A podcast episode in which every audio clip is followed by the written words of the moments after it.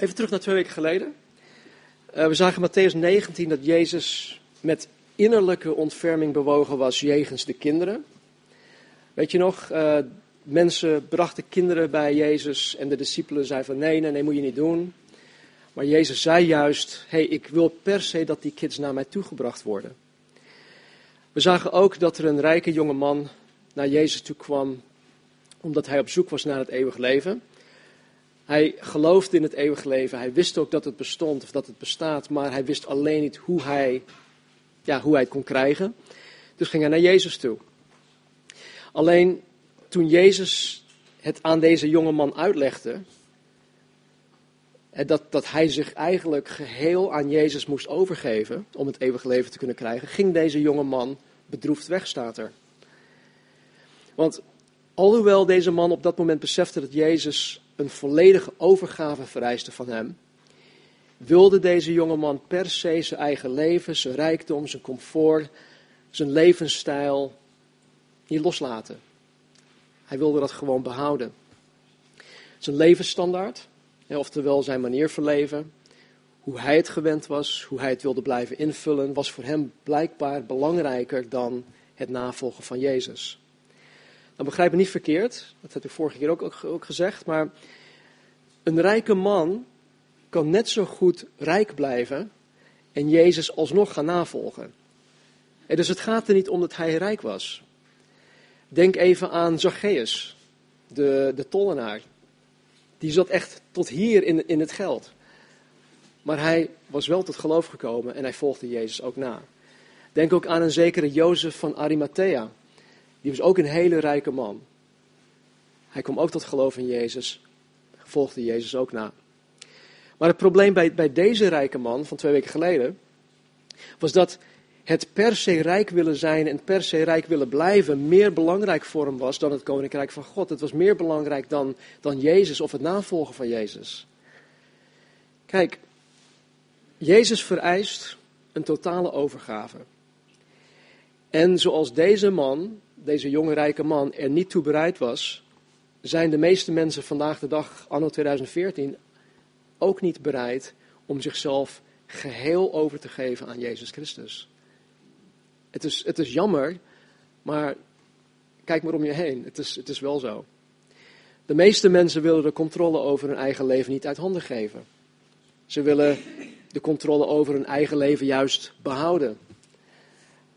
Voor deze jonge rijke man stond zijn verlangen naar rijkdom, zijn verlangen naar status, zijn verlangen naar uh, zijn levensstandaard. Het stond hem echt in de weg. Het stond God in de weg. God, God kreeg geen toegang tot deze jonge man. En dat stond hem in de weg. En ja, het eerste wat bij mij, bij mij dan opkomt, is wat staat God bij mij in de weg? Wat staat God bij jou in jouw leven in de weg? Aan wat wil jij per se vasthouden? En waardoor God geen toegang krijgt tot jouw leven. Waardoor loopt God vast met jou. Dat klinkt misschien raar dat God vastloopt. Maar God kan best wel vastlopen bij mensen, want hij dwingt zichzelf nooit, dringt zichzelf nooit bij de mensen op. Goed. Alhoewel het menselijk gezien onmogelijk is voor een rijk het koninkrijk van God binnen te gaan, is het bij God niet onmogelijk. Want er staat, bij God zijn alle dingen mogelijk. Nogmaals, kijk naar deze Zacchaeus, kijk naar Jozef van Arimathea. Allebei stinkend rijk, allebei tot geloof gekomen in Jezus Christus. Nou, we gaan het vanmorgen oppakken in uh, ehm, 19, hoofdstuk 19, vers 27. Heeft er iemand een Bijbel nodig? We hebben nog een paar Bijbels achter liggen. Nee? Oké. Ehm, even kijken, hoofdstuk 19. En vanmorgen pakken we het op bij vers 27, maar ik wil toch nog even teruggaan naar vers 23. En dan lees ik vanaf vers 23. Jezus zei tegen zijn discipelen. Voorwaar, ik zeg u dat een rijke moeilijk het koninkrijk der hemelen kan binnengaan.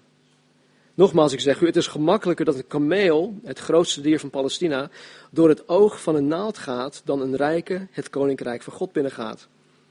Toen zijn discipelen dit hoorden, stonden zij versteld en zeiden, wie kan dan nog zalig worden? Wie kan dan nog gered worden?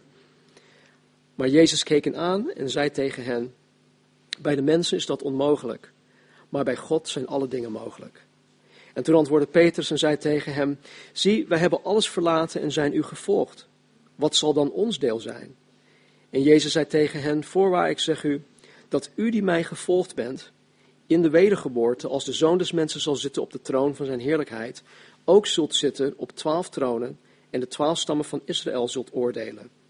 En al wie huizen, of broers, of zusters, of vader, of moeder, of vrouw, of kinderen, of akkers zal verlaten hebben omwille van mijn naam, die zal honderdvoudig ontvangen en het eeuwige leven beërven. Maar veel eersten zullen de laatste zijn en veel laatsten de eerste. Even terug naar vers 27. Er staat toen antwoordde Petrus en zei tegen Jezus, zie, wij hebben alles verlaten en zijn u gevolgd. Wat zal dan ons deel zijn? Nou, in, in tegenstelling tot de rijke man, waar we het net over hadden, hebben de twaalf discipelen wel alles achtergelaten. Zij hebben wel alles laten vallen en verlaten om Jezus na te volgen. En dat geeft Petrus hier dus namens de twaalf ook aan. En in mijn optiek terecht dat hij dat aangeeft. En ze willen weten wat God voor, voor hen in petto heeft. In hun gedachten, wat ik twee weken geleden ook al had aangegeven, moeten zij zich nu afvragen wat voor toekomst de discipelen hebben. Wat voor toekomst zij hebben. En want Jezus zei net dat het onmogelijk is voor een rijke het koninkrijk van God binnen te kunnen gaan. Waarop de, de discipelen Jezus vroegen, nou, wie kan dan nog zalig worden? In hun beleving, hoe zij ook geleerd werden, was een rijke bij uitstek degene die juist het koninkrijk van God binnen kon gaan. En als Jezus nu precies het tegenovergestelde zegt, ja, natuurlijk is bij hun de vraag, wie dan wel? Wie kan dan nog gered worden? En, en hoe ziet onze toekomst er dan uit? Nou, vers 28, Jezus zegt tegen hen, voorwaar, ik zeg u, dat u die mij gevolgd bent, in de wedergeboorte als de zoon des mensen zal zitten op de troon van zijn heerlijkheid, ook zult zitten op de twaalf tronen en de twaalf stammen van Israël zult oordelen. Nou, hier ben ik blijven steken. Want ja, ik, ik kon er niet zomaar vluchtig overheen gaan. Ik, ik, ik had er echt mee zitten worstelen van, nou ja, ga ik door tot hoofdstuk 20 en de gelijkenis. Maar ik kon het niet over mijn, uh, hoe zeg je dat, hart krijgen om, om ja, hier vluchtig overheen te gaan. Dus we gaan hier wat tijd aan besteden. Jezus erkent de twaalf als de zijne. En ze hebben alles verlaten en ze hebben hem gevolgd. Nou, op dit moment waren ze met z'n twaalfen. Judas was er nog bij. Maar nadat Judas Jezus had verraden en nadat Judas vervolgens zelfmoord had gepleegd, waren er maar elf van de twaalf overgebleven. We zien in Handelingen hoofdstuk 1 dat zij door middel van een soort van loodje trekken en gebed, dat een zekere Matthias gekozen werd om Judas te vervangen. Sommige geloven, sommige theologen geloven dat Paulus de twaalfde apostel werd. Maar goed, dat kan je nergens bijbels hard maken, dus dat laat ik in het midden. Hoe dan ook, of het nu deze Matthias uit Handelingen hoofdstuk 1 is, of Paulus uit Handelingen hoofdstuk 9, Jezus weet wie de twaalfde apostel is. Toch? En hij heeft plannen met de twaalf. Nou, aan de twaalf belooft Jezus dat zij in de toekomst een speciale plek, een speciale taak, een speciale bediening zullen krijgen. Jezus noemt de toekomst hier de wedergeboorte. Nou, de wedergeboorte, wat Jezus hier ook zegt in vers 28, wanneer de zoon des mensen, dus Jezus, zal zitten op de troon van zijn heerlijkheid. Jezus had hun tot drie of vier keer toe nu gezegd dat hij naar Jeruzalem toe moest gaan om daar uh, gearresteerd te worden, om daar gemarteld te worden, om daar gekruisigd te worden. Maar nu zegt hij dat hij op zijn troon der heerlijkheid gaat zitten. Dus hoe, ja, dus ik denk dat ze hoop, een hoop vraagtekens hierbij hebben. Dus hiermee verzekert Jezus zijn discipelen dat hij ondanks zijn sterven aan het kruis uiteindelijk tijdens het duizendjarig rijk zal gaan regeren als de Messias waarop zij dus hoopten. Het woord wedergeboorte, dat betekent het weer of opnieuw ontstaan of geboren worden. Heel simpel. Het weer of opnieuw ontstaan of het weer of opnieuw geboren worden. Nou, dit specifiek woord komt in de grondtekst van het Nieuw Testament slechts twee keer voor. Het komt hier voor in Matthäus 19 en één keer in Titus hoofdstuk 3 vers 5. En Paulus die gebruikt dit woord in Titus 3:5 om de wedergeboorte van de mens te omschrijven. wanneer wij tot geloof komen, wanneer wij tot wedergeboorte komen. Maar hier in Matthäus 19 gebruikt Jezus dit woord om de wedergeboorte van de wereld te omschrijven. Begrijp je nu waarom ik dit niet zomaar heel snel overheen kon gaan? Want wie heeft ooit van de wedergeboorte van de wereld gehoord? Weet je, dat is iets wat, wat, wat, waar we niet echt stil bij staan. Dus hoe zit dat? Althans, dat was mijn vraag. En ik denk dat, dat misschien dat jullie vraag ook is. Even terug naar de zondeval, Genesis hoofdstuk 3. Door de zondeval is de wereld niet meer zoals God het bedoeld had. Kijk maar om je heen. De wereld zoals wij die nu kennen, is gebroken. Het is echt gebroken. En het is onderhevig aan de zonde. Maar de Bijbel belooft dat God op een door hem bepaalde tijd de wereld zal gaan herstellen. Door het opnieuw geboren te laten worden. Ja, volg mij hierin. En dit zal plaatsvinden wanneer Jezus Christus terugkomt hier op aarde, de wederkomst van Christus, om zijn koninkrijk hier op aarde te vestigen voor duizend jaar lang te gaan regeren. Jezus zegt hier in Matthäus 19, 28 dat wanneer Jezus bij zijn wederkomst op aarde zal gaan regeren, de twaalf discipelen op twaalf tronen zullen zitten en de twaalf stammen van Israël zullen oordelen. Oftewel, ze zullen de twaalf stammen van Israël gaan besturen. Dit is de bijzondere plaats die de twaalf discipelen in de toekomst zullen gaan krijgen. Dit is specifiek voor deze twaalf weggelegd. Het geldt voor niemand anders, het geldt alleen voor hen. Ja? Nou, om deze uitspraak over de wedergeboorte van de wereld te kunnen snappen, moet ik iets over de wedergeboorte van de wereld en de wedergeboorte van de mens uitleggen. Ik ben in juli 1964 in Noordwijk voor de eerste keer geboren was een heel schattig kindje. Nee, ik was, ik was in 1964 geboren in Noordwijk. En ik ben in 1993 in Californië wedergeboren. Toen ik mijn leven aan Jezus Christus gaf en hem sindsdien ben gaan navolgen. Ik heb dus twee geboortes meegemaakt. Ja? Mijn natuurlijke geboorte 1964, mijn wedergeboorte in 1993. Door mijn wedergeboorte in 1993, zegt Paulus in 2 Korinthe 5 vers 17, dat ik een nieuwe schepping ben geworden. Dat wil zeggen dat de oude Stan niet meer bestaat en dat de nieuwe Stan vanaf dat moment door God in staat wordt gesteld om van dag tot dag veranderd te gaan worden naar het beeld van Jezus Christus. Ja, volgen jullie mij nog? Nou, weet je, dit is, dit is geweldig. Ik heb de eerste 26 levensjaren, althans misschien vanaf mijn 18e tot 26, heb ik heel veel getracht om mezelf te veranderen. Ik had elk jaar opnieuw weer goede voornemens. Maar het lukte voor geen cent, het lukte voor geen meter.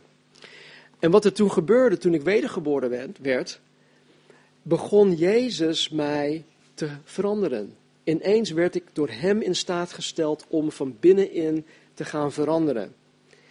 Elke dag opnieuw. Elke dag opnieuw, wanneer ik zijn woord tot me neem, word ik hervormd door het vernieuwen van mijn denken. Als ik me volkomen aan de heerschappij van Jezus overgeef, dan gaat Jezus mij veranderen. Het, het is zo simpel. Ik geef me aan Hem, Hij doet met mij wat Hij wil, Hij verandert mij en voilà, ik ben een beter mens. En dat doet Hij elke dag opnieuw. Vraag maar aan Marnie hoe, hoe, hoe slecht ik was. En, hoe, en, ja, en hoeveel, hoe, hoeveel beter ik nu ben. Maar dat is, dat is niet door mezelf. Ik, ik, ik, ik kon mezelf niet veranderen. Ik heb het geprobeerd. Weet je, het is zo mooi om, om, ja, om mezelf dan zien te veranderen, maar het is ook geweldig om mensen om me heen te zien veranderen. Weet je, als, jullie, als ik God jullie niet zou zien veranderen, dan zou ik ermee kappen. Echt waar, want wat, wat voor zin heeft het nou als ik hier elke week week in en week uit sta. En het woord, dat hoort je te vernieuwen van denken. Of je denkt te vernieuwen. En, het heeft totaal geen invloed of totaal geen nut. Ja, dan sta ik hier voor, um, voor niks. maar, een hele grote maar. Ondanks dat ik een nieuwe schepping ben geworden, ondanks dat Jezus mij aan het veranderen is, ondanks dat Jezus steeds meer gestalte krijgt in mijn leven, heb ik nog steeds te maken met mijn zondige natuur. De gevallen mens.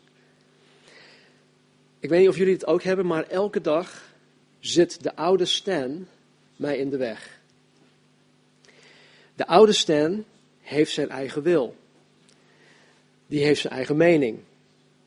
Die denkt beter te weten, want ja, het is, het is toch logisch?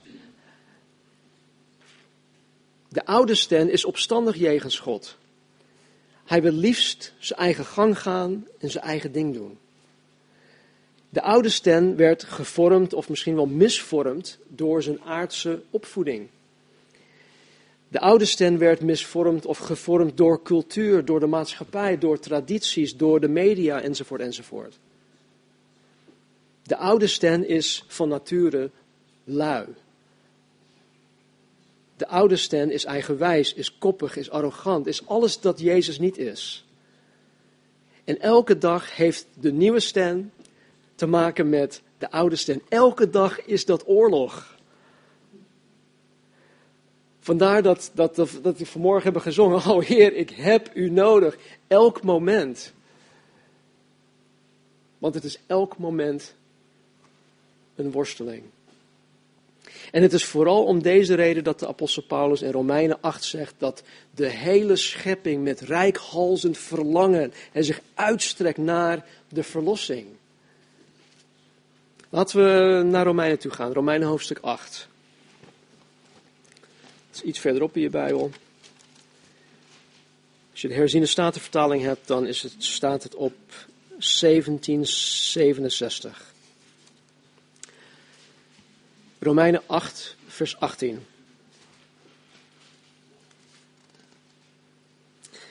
Paulus zegt: Ik ben ervan overtuigd dat het lijden van de tegenwoordige tijd niet opweegt tegen de heerlijkheid die aan ons geopenbaard zal worden.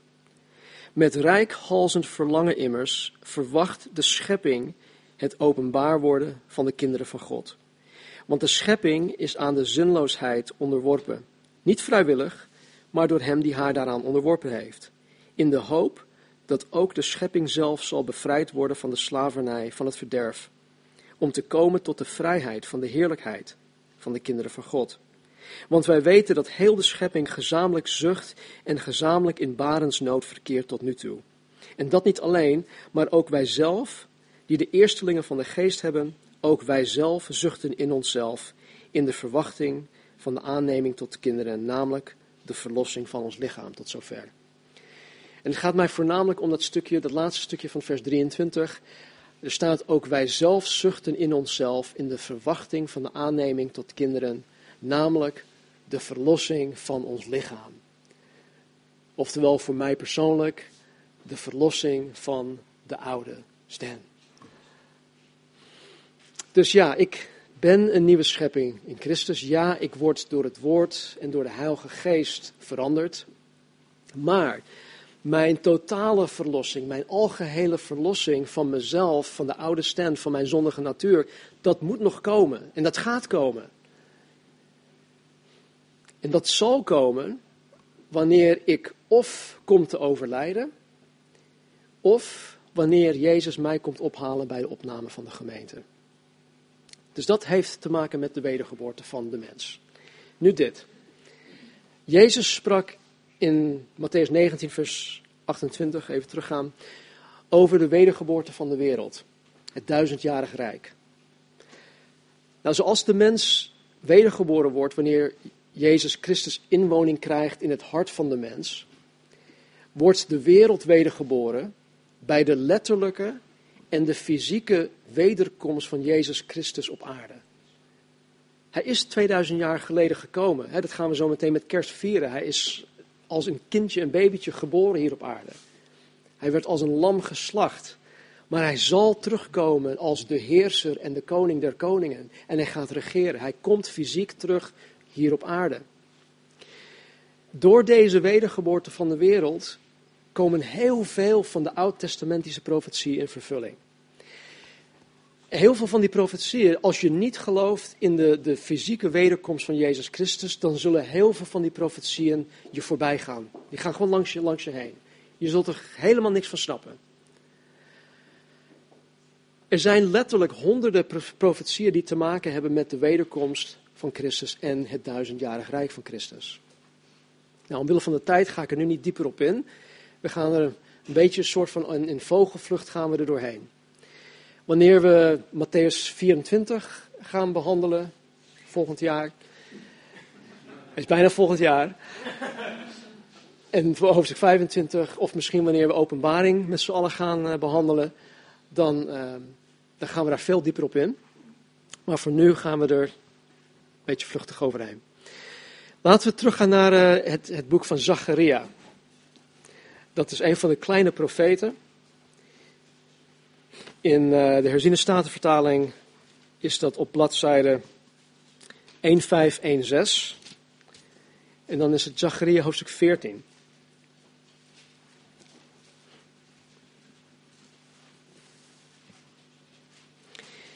In dit gedeelte profeteert Zacharia over de toekomst voor, voor Israël. De toekomst voor Israël. En dan heeft hij het over een, een letterlijke fysieke toekomst. En vanaf vers 1 staat er dit. Zie, er komt een dag voor de Heer, of dat heet de dag des Heren, waarop de buit op u behaald in uw midden zal worden verdeeld. Dan zal ik, God, alle heidevolken verzamelen voor de strijd tegen Jeruzalem. De stad zal ingenomen worden. De huizen zullen geplunderd. De vrouwen zullen verkracht worden. De helft van de stad zal in ballingschap wegtrekken. Maar het overige van het volk zal niet uitgeroeid worden uit de stad. Dan zal de Heer uittrekken en tegen de heidevolken strijden, zoals de dag dat hij streed, op de dag van de strijd.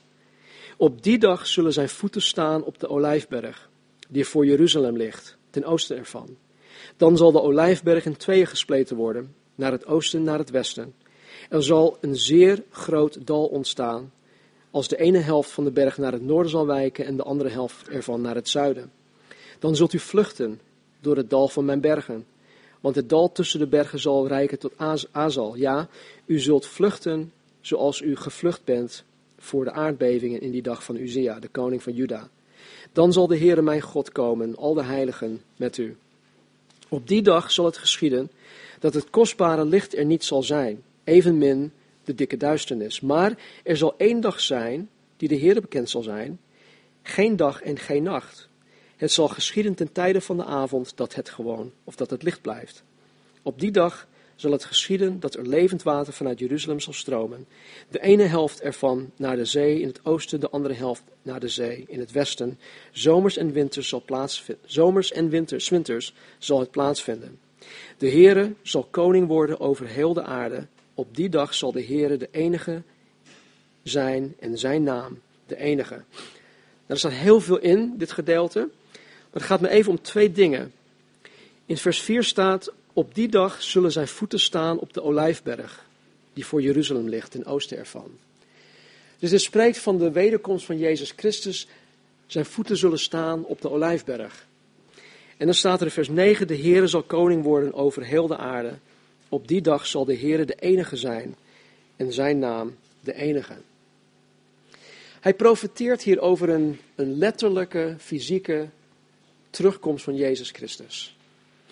En zoals ik net zei, in vers 4 staat er dat Jezus uh, op de olijfberg zal komen te staan met zijn voeten. Hij profeteert ook, ook, dat Jezus als enige koning zal worden over heel de aarde. Met andere woorden, Jezus zal regeren als de koning der koningen. Als je die term ooit hebt gehoord. Uh, iets terug naar Jesaja hoofdstuk 11.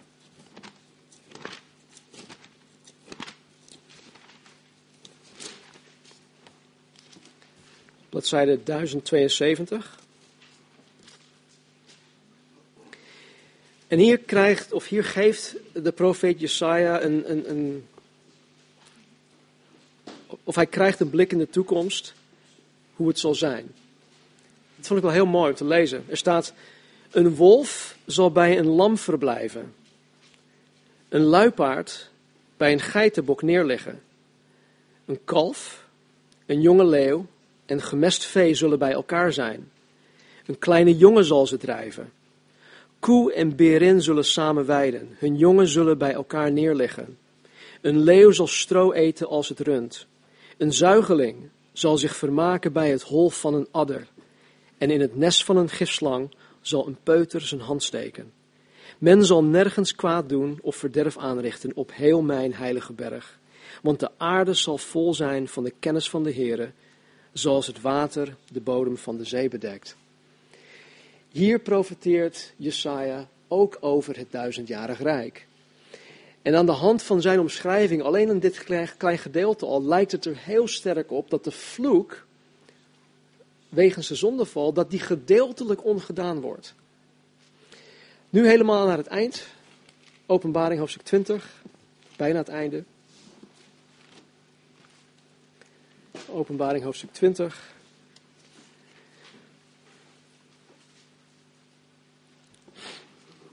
Bladzijde 1927 vanaf vers 1.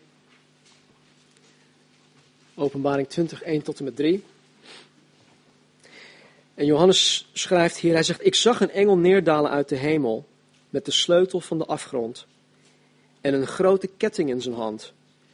En hij greep de draak, de oude slang, dat is de duivel, de Satan, en bond hem voor duizend jaar en wierp hem in de afgrond en sloot hem daarin op en verzegelde die boven hem opdat hij de volken niet meer zou misleiden, totdat de duizend jaar tot een einde gekomen zouden zijn.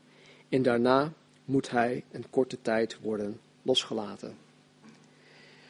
Johannes zegt hier dat Satan tijdens het duizendjarig rijk opgesloten wordt. Hij wordt opgesloten. Dit betekent dat Satan en zijn demonen in die periode dus volkomen uitgeschakeld zullen zijn. Ze zullen geen invloed meer hebben hier op aarde.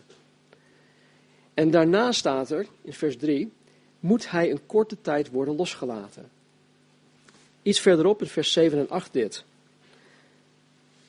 En wanneer die duizend jaar tot een einde gekomen zijn, zal de Satan uit zijn gevangenis worden losgelaten. En hij zal uitgaan om de volken te misleiden die zich in de vier hoeken van de aarde bevinden. Gog en Magog, om hen te verzamelen voor de oorlog. En, een aantal, en hun aantal is als het zand van de zee. Nou, in deze vers, ik weet dat ik ga er heel snel overheen, maar ik beloof je, wanneer we hier dieper op ingaan, zal het waarschijnlijk veel meer duidelijk zijn.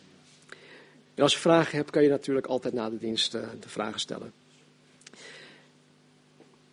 In deze verse zien wij dat Satan eerst voor duizend jaar wordt opgesloten. Vervolgens wordt hij aan het einde van het duizendjarige rijk weer vrijgelaten om de volken te misleiden. Je zou kunnen zeggen, ja, waarom nou? Waarom wordt hij weer vrijgelaten? want het, dat slaat eigenlijk nergens op. Nou, nogmaals, ik weet dat ik hier niet diep op in zal gaan, maar dit vereist gewoon een, stukje uitleg. want de vraag die hier bij mij opkomt, of opkwam, is: wie zijn deze mensen die Satan zal gaan misleiden? Ben ik een van die mensen? Zal hij mij nog gaan misleiden tijdens het duizendjarig rijk? Moet ik me daar zorgen om maken? Nou, om dit te kunnen begrijpen is het belangrijk om te weten wie er tijdens het duizendjarig rijk op de aarde zal zijn. Dus laten we daarmee beginnen. Jezus zal er zijn. Ja? De twaalf discipelen zullen er zijn. Ook alle wedergeboren christenen die voor de opname van de gemeente gestorven zijn, die zullen er zijn. Denk even aan iemand die je kent die christen was, die overleden is. Ik denk even aan Rosemary, die vijf jaar geleden overleden is. Of Katie, zes maanden geleden. Dat waren discipelen van Jezus Christus, maar die zullen er zijn. Ook alle wedergeboren christenen die meegaan met de opname van de gemeente zullen er zijn. Dus hoe dan ook, ik zal er zijn. Ik weet het zeker. Nou, nu is het wel zo dat Jezus, de twaalf discipelen, de gelovigen die voor de opname gestorven zijn en de gelovigen die met de opname meegaan, wij zullen allemaal onze verheerlijkte lichamen hebben. Ja, dat, dat is toekomst, maar wij zullen dat al hebben. En dat is gewoon heerlijk, in de grootste zin van het woord. Bovendien zullen al deze mensen, dus ik ook, samen met Jezus gaan regeren. Dat klinkt misschien heel raar, of misschien is het heel onwaarschijnlijk, of, of je kan je daar niks bij, bij, bij bedenken. Maar wij zullen gaan regeren. Ik zal, ik zal een promotie krijgen. En ik zal de, de, de beste arbeidsvoorwaarden hebben in het duizendjarig rijk. Geen enkele werkgever kan eraan tippen. Aan het einde van het duizendjarig rijk zal ik dus niet meer vatbaar zijn voor de misleiding van Satan, want ik ben dan al verheerlijkt. Maar wie dan wel? Wie, wie zijn dan de mensen die Satan zal gaan misleiden? Probeer me hierin te volgen. Wij leven nu in het tijdperk van de gemeente, de kerk. Er zal een moment komen wanneer de gemeente opgenomen wordt. Dat heet ook de opname. Direct na de opname van de gemeente zal de wereld verkeren in wat de Bijbel de grote verdrukking noemt. Het is een periode van zeven jaar. De eerste drieënhalf jaar zullen mensen zich verblijden. Oh, die rare christenen, die zijn, daar zijn we eindelijk, eindelijk vanaf. De antichrist die komt op het toneel. Die zal ook vrede brengen hier op aarde. Die zal waarschijnlijk de oplossing krijgen of op de oplossing vinden voor het hele ISIS gebeuren. Maar hoe dan ook, de eerste 3,5 jaar die zullen gewoon geweldig zijn, maar dan komt, hoe zeg je dat, komt de aap uit de mouw. want dan laat hij zijn ware aard zien en dan gaat hij rare dingen doen. Maar hoe dan ook, het is een periode van zeven jaar waarin God zijn toorn over de goddelozen zal uitstorten. Als je wil weten hoe, dit eruit zal gaan, hoe, het, hoe het eruit zal gaan zien, moet je openbaring 6 tot en met 19 lezen. Het staat er heel beeldend um, uh, omschreven. Maar ondanks dat Gods toorn over de aarde uitgestort wordt, in die zevenjarige periode, zullen er miljoenen mensen tot geloof in Jezus Christus komen. Miljoenen mensen zullen tot geloof komen. Alleen zal het tijdens de grote verdrukking wel heel moeilijk zijn om een christen te zijn. Veel, veel moeilijker dan nu. Velen die tijdens de grote verdrukking tot geloof komen, zullen een marteldood sterven. Maar de gelovigen die de grote verdrukking zullen overleven, die zullen het duizendjarig rijk ingaan als mensen van vlees en bloed zoals wij nu ook zijn. Want die hebben hun verheerlijk lichaam nog niet gekregen. Zij zullen hun verheerlijk lichaam pas veel later krijgen, maar zij zijn dus nog, zoals wij nu zijn, onderhevig aan onze oude natuur, aan de zonde en dat soort dingen. Ze zullen nog steeds te maken hebben met hun oude natuur. Deze mensen zullen tijdens het duizendjarig rijk gaan trouwen. ze gaan uh, kinderen krijgen, ze zullen kinderen of uh, gezinnen gaan stichten. En zij zullen ook nog sterven. Daarom zei ik dat de vloek gedeeltelijk ongedaan zal worden tijdens het duizendjarige rijk. Want als het geheel ongedaan zou worden, dan zou niemand meer sterven. De dood, het overlijden van de mens, is een deel van de vloek, de zondeval, van de, van de zondeval. Dus het sterven zal pas geheel verdwijnen aan het eind van het duizendjarige rijk. Nou, het zijn dus deze mensen en hun nageslacht die aan het einde van het duizendjarige rijk alsnog vatbaar zullen zijn voor de misleiding van de Satan. En dat blijkt dan ook wel, want in Openbaring 20, vers 8 staat dat hun aantal zal zijn als het zand van de zee. Het zijn heel veel mensen dus. Heel veel mensen zullen alsnog misleid worden. Dus ondanks dat de vloek gedeeltelijk ongedaan zal worden, ondanks dat Jezus Christus als koning der koningen zal gaan regeren, ondanks dat de aarde vol zal zijn van de kennis van de Heer, zullen er in het duizendjarige rijk mensen zijn die zich niet volkomen aan de Heer overgeven. Het lijkt een beetje op de kerk. wij, er zijn ook mensen binnen het christendom die zich niet geheel aan Jezus Christus overgeven. En eh, je kan het niet aan hun zien, althans niet aan hun uiterlijk. Maar er, er zitten veel mensen in, in de kerk die zich niet geheel aan Jezus Christus overgeven. En dit zal pas, pas, pas blijken wanneer Satan vrijgelaten wordt en hen weer gaat misleiden. Nou, kort samengevat. Alhoewel mijn leven nu als wedergeboren christen miljoenen malen beter is dan voorheen, zal het pas volmaakt zijn wanneer ik mijn verheerlijk lichaam zal krijgen. En zo ook zal door de wedergeboorte van de wereld het leven op aarde miljoenen malen beter zijn tijdens het duizendjarig rijk. Maar het zal pas volmaakt zijn nadat het duizendjarig rijk voorbij is, wanneer God een totaal nieuwe hemel en nieuwe aarde zal scheppen. Ik kan het niet vatten dat dit allemaal voorbij zal, zal gaan en dat er een nieuwe hemel en een nieuwe aarde zal komen. Met rijkhalsend verlangen. Vers 29. En al wie huizen of broers of zusters of vader of moeder of vrouw of kinderen of akkers zal verlaten hebben omwille van mijn naam, die zal honderdvoudig ontvangen en het eeuwig leven beërven. Nogmaals, de belofte aan de twaalf discipelen dat zij op de twaalf tronen zullen zitten om de twaalf stam van Israël te besturen, is puur voor de twaalf weggelegd. Maar deze belofte, vers 29, is voor al wie. Al wie dit, dit en dat. Weet je, Jezus is, is er volkomen van bewust dat wanneer een mens zichzelf volledig overgeeft aan zijn heerschappij, dat het de mens zijn leven zal gaan kosten.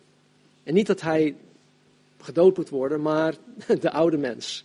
Het zal hem of haar zijn leven kosten. En wat men allemaal zou moeten opgeven om Jezus daadwerkelijk na te kunnen volgen, is niet gering. Maar, maar, het maakt niet uit wat ik omwille van Jezus op moet geven. Want hij zal nooit bij mij in het krijt staan laat het echt goed tot je doordringen. Hè? God zal nooit bij jou in het krijt staan. Als hij jou vraagt, even in geld uitgedrukt, en dat, dat is misschien een hele foute, foute voorbeeld, maar goed. Als hij jou vraagt om 10.000 op te geven, dan zal hij dat honderdmaal teruggeven. Wat het ook is, dat maakt niet uit wat het is. En dat zegt hij hier ook. Kijk, ik wil niet ehm, um, opscheppen of zo, maar om even een voorbeeld te noemen. Marnie en ik, we hebben tijd geleden, omwille van Jezus' naam, ons leven in Californië verlaten. We hebben onze familie, onze vrienden, onze kerk, ons huis. Op enkele dingen na hebben we ons hele hebben en houden verlaten om Jezus na te volgen, om uitgezonden te worden naar Nederland. En Natuurlijk missen wij familie. En vooral rondom uh, Thanksgiving en de kerst. Dat is gewoon iets, ja, dan missen we mensen. Maar Jezus heeft ons daarvoor in de plaats zoveel meer teruggegeven. Echt zoveel meer. En we hebben, nou, weet je, Marnie, ik heb het er bijna dagelijks over. We hebben jullie. God heeft ons jullie gegeven. En daar zijn we zo ontzettend dankbaar voor. Jullie zijn, jullie zijn onze familie. En dat, dat, dat meen ik echt. Dat, dat zijn niet gewoon maar woorden. We, we menen echt van, van harte dat jullie zijn onze familie. We hebben een prachtig huis van God gekregen. Wij hebben op elk continent familie bij wie wij terecht kunnen. behalve Antarctica misschien. Daar wil ik trouwens niet eens naartoe. En we hebben een, een kasteel in Oostenrijk, in Carinthië tot onze beschikking. Niet dat het van ons is, maar weet je, ik hoef alleen maar te bellen of te mailen en we kunnen daar naartoe. We hebben in Zuid-Californië een, een geweldig conferentiecentrum in Murrieta. Dat, het heeft van die natuurlijke warme bronnen. Waar heet water uit, uit de grond komt. Waar je hier, oh man, het is zo heerlijk. Nogmaals, ik hoef alleen maar iets te regelen en we mogen er naartoe. En ga zo maar door. als Marnie en ik alles bij elkaar optellen wat God ons gegeven heeft, nadat wij zijn roepstem hebben gehoord, dan is dat gewoon vele malen meer dan wat wij hebben verlaten. Oftewel, wat wij omwille van zijn naam hebben moeten, tussen aanhalingstekens, opgeven. Als je, er, als je erbij stilstaat, hoeft God mij helemaal niets te geven. Hij is mij niets verschuldigd. Hij, heeft mij, hij hoeft mij niets te geven. Want door Jezus na te volgen zal ik het eeuwig leven beërven. Ik heb een geweldige toekomst voor ogen. Ik heb een geweldig toekomstperspectief. Hij hoeft mij in het leven hier op aarde eigenlijk helemaal niks te geven. Maar toch doet hij dat. En het feit dat ik eeuwig leven heb, dit zou op zich al genoeg moeten zijn om mij dusdanig te motiveren om mijn hele wezen aan Hem toe te willen wijden. Dat zou eigenlijk al genoeg moeten zijn.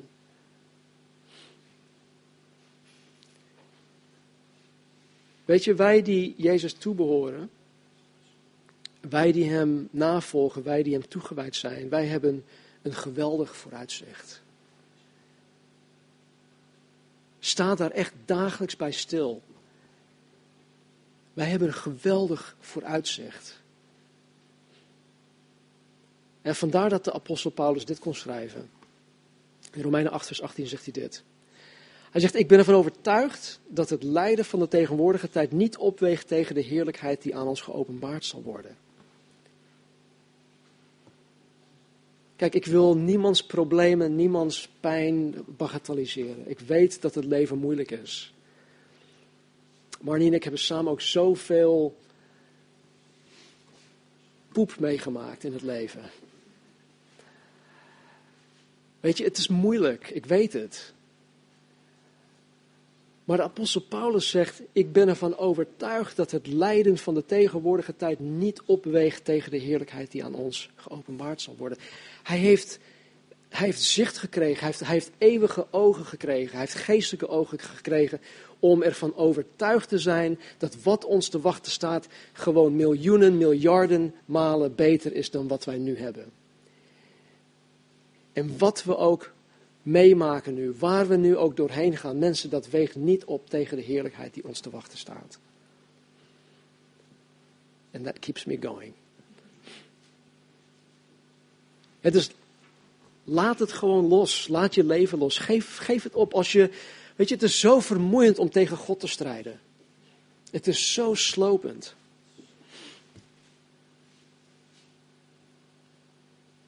Geef het gewoon op. Laat, laat Jezus je leven besturen. Laat Hem gewoon zijn vrije gang gaan in je leven. Oké, vers 30. Er staat, maar veel eerste zullen de laatste zijn en veel laatste de eerste. Nou, dit hoort eigenlijk bij hoofdstuk 20. Dus dat gaan wij volgende week oppakken. Um, en dan wil ik het hierbij laten. Ja? Laten we bidden. Hemelse Vader, dank u wel voor uw woord. Dank u wel dat u in één vers, Vader, de woorden van Jezus in vers 28, ja, zoveel zegt. En dat u ons ook zoveel rijkdommen in uw woord hebt gegeven, heren, dat we niet ja, in het ongewisse hoeven te blijven, maar dat wij gewoon duidelijkheid kunnen krijgen. Dus Heer, ik dank u. Ik dank u voor de geweldige toekomst die u voor ons voor ogen hebt. Dank u wel, Heer, dat u in ieder van ons tot u roept. Heer, om te delen in deze geweldige toekomst. Heer, ik verlang er zo naar, Heer, naar deze extreme makeover van de wereld. Deze extreme makeover van de aarde. Heer, we zijn er zo aan toe. Heer, de wereld is zo gebroken. Dus vader, trek ons naar u toe. Maak uzelf kenbaar aan ieder van ons. Heer, de dingen die wij, waaraan wij ons vastklampen. De dingen die u in de weg staan. De dingen in ons leven waarop u vastloopt. God, ik bid dat u deze dingen, dat u ons helpt om deze dingen op te ruimen. weg te ruimen. Heer, opdat wij ons geheel en onvoorwaardelijk aan u zullen overgeven. Doe dat, Heer. Doe dat vanmorgen. Doe dat morgen weer opnieuw en overmorgen weer opnieuw. Omwille van uw naam. Dank u wel. In Jezus' naam. Amen.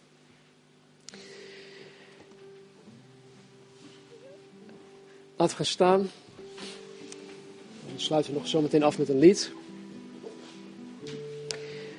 Toen Israël jaren geleden in ballingschap was, gaf God hen een prachtige bemoediging.